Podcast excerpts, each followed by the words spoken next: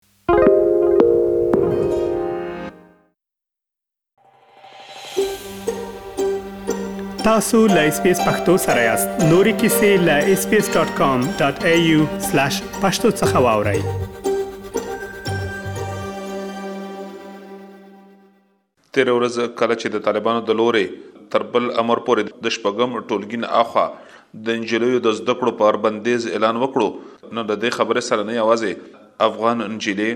د هغې کورنۍ د لوی فکرمندې او پریشانې سره مخامخ کړل ولې بلخو هغه هیوادونه چې د تیر اګست په نیمایې کې د طالبانو د واک د ترلاسه کولو وروسته د دوی د نورو اندېښنو ترڅنګ دغه هم یوه لویه اندېښنه وه چې دوی د د واک د سمبالښت وروسته به په هېواد کې د انجلیو د زده کړو او زنانو ته د کور نه د بهر دندو یا د کار کولو په اجازه ورکولو کې یو لوی مشکل وي، ځکه چې د طالبانو په تېره واکمنۍ کې هم تر ټولو لویه ستونزه د انجلیو د زده کړو وه.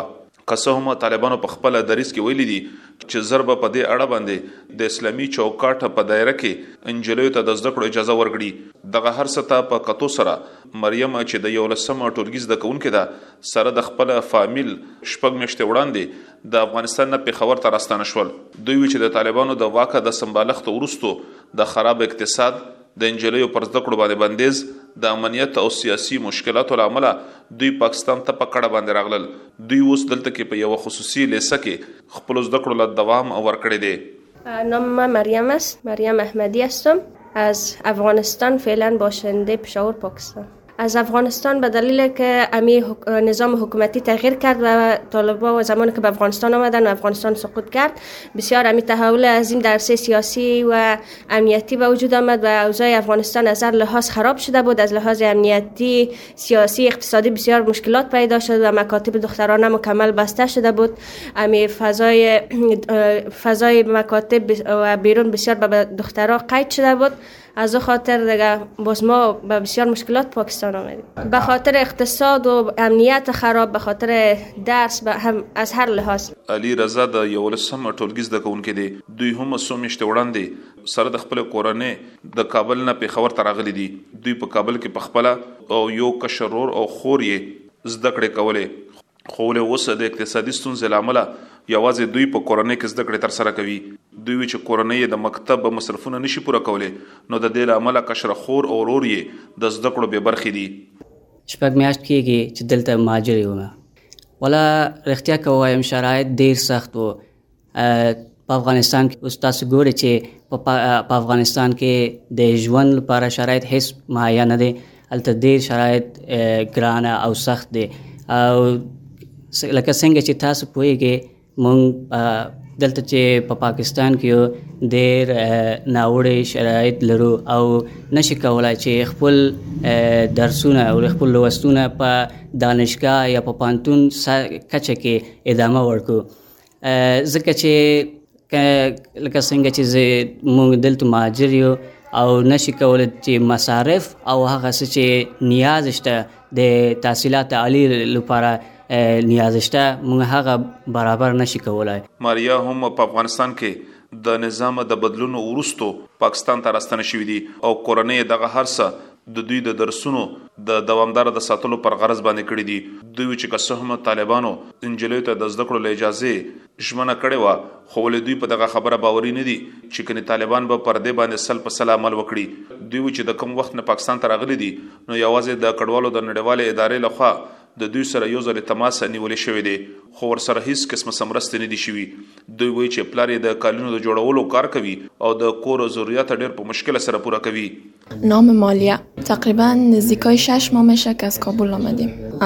کابل تقریبا بعد از اینکه طالبا آمدند مکاتب برای دخترها بسته شد و ما به خاطر درس آمدیم اینجا. خب اگر خلاص هم کنن ممکن او روال که سابق داشت و آزادی که ما سابق در مکاتب داشتیم فعلا شاید نداشته باشیم و مثلا او سیستم درسی که ما سابق داشتیم که این سیستم بود تقریبا دیگه فعلا شاید نداشته باشیم ما تقریبا شش ماه پیش که از کابل آمده بودیم یک بار تا موسسه یونسیار رفتیم و هنوز چیزی که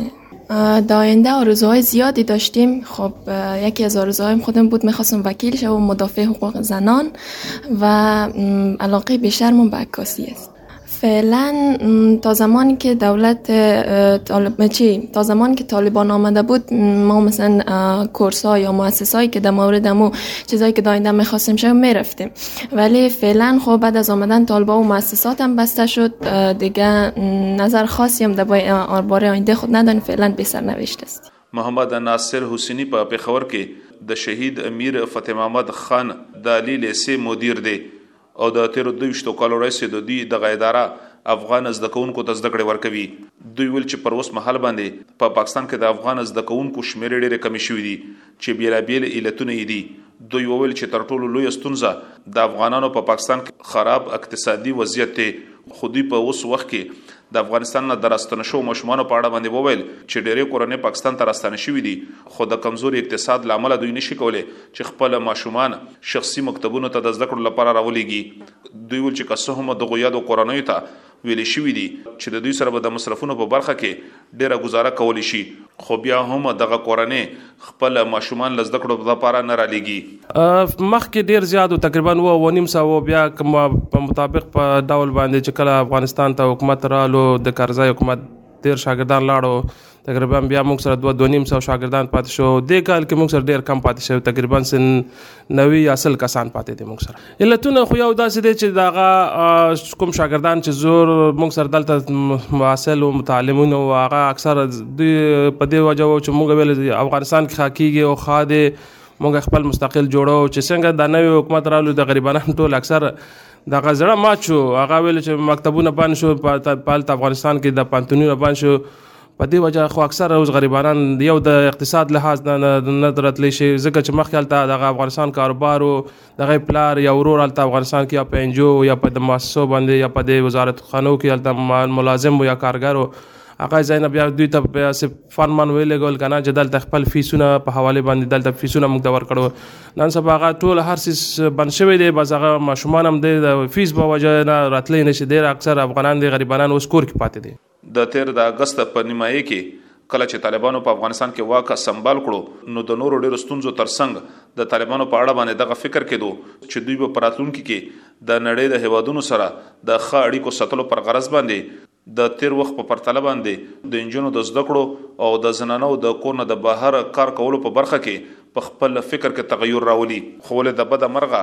په دې کې هغسې قسمه پرمختګونه ونه شول چې د کومو هیلې کېدې، که څه هم طالبانو په دې اړه باندې خپل دریځ روښانه کړی وو چې دوی به د نجلیو د زده کړو او دغه شانتې زنانو ته د کار د اجازې ورکولو په برخه کې د تېر وخت تجربې نه تکراروي، اوس د طالبانو له خوا د نجلیو د زده کړو په اړه باندې چې کوم بیان مخې ته راغلی دی نو د هغې نه وروسته پر دوی باندې په ټولنیزو رسنیو کې پر دوی سختې نیوکې شوې دي که څه هم لا تر اوسه پورې طالبانو بیا خپله دریځ نه دی روښانه کړی اسلام ګل افریدي اس بي اس رادیو پېښور اس بي اس پختو په فیسبوک کې تا کې پلی مطلب یو فاک کړئ نظر ور کړئ او له نورو سره شریک کړئ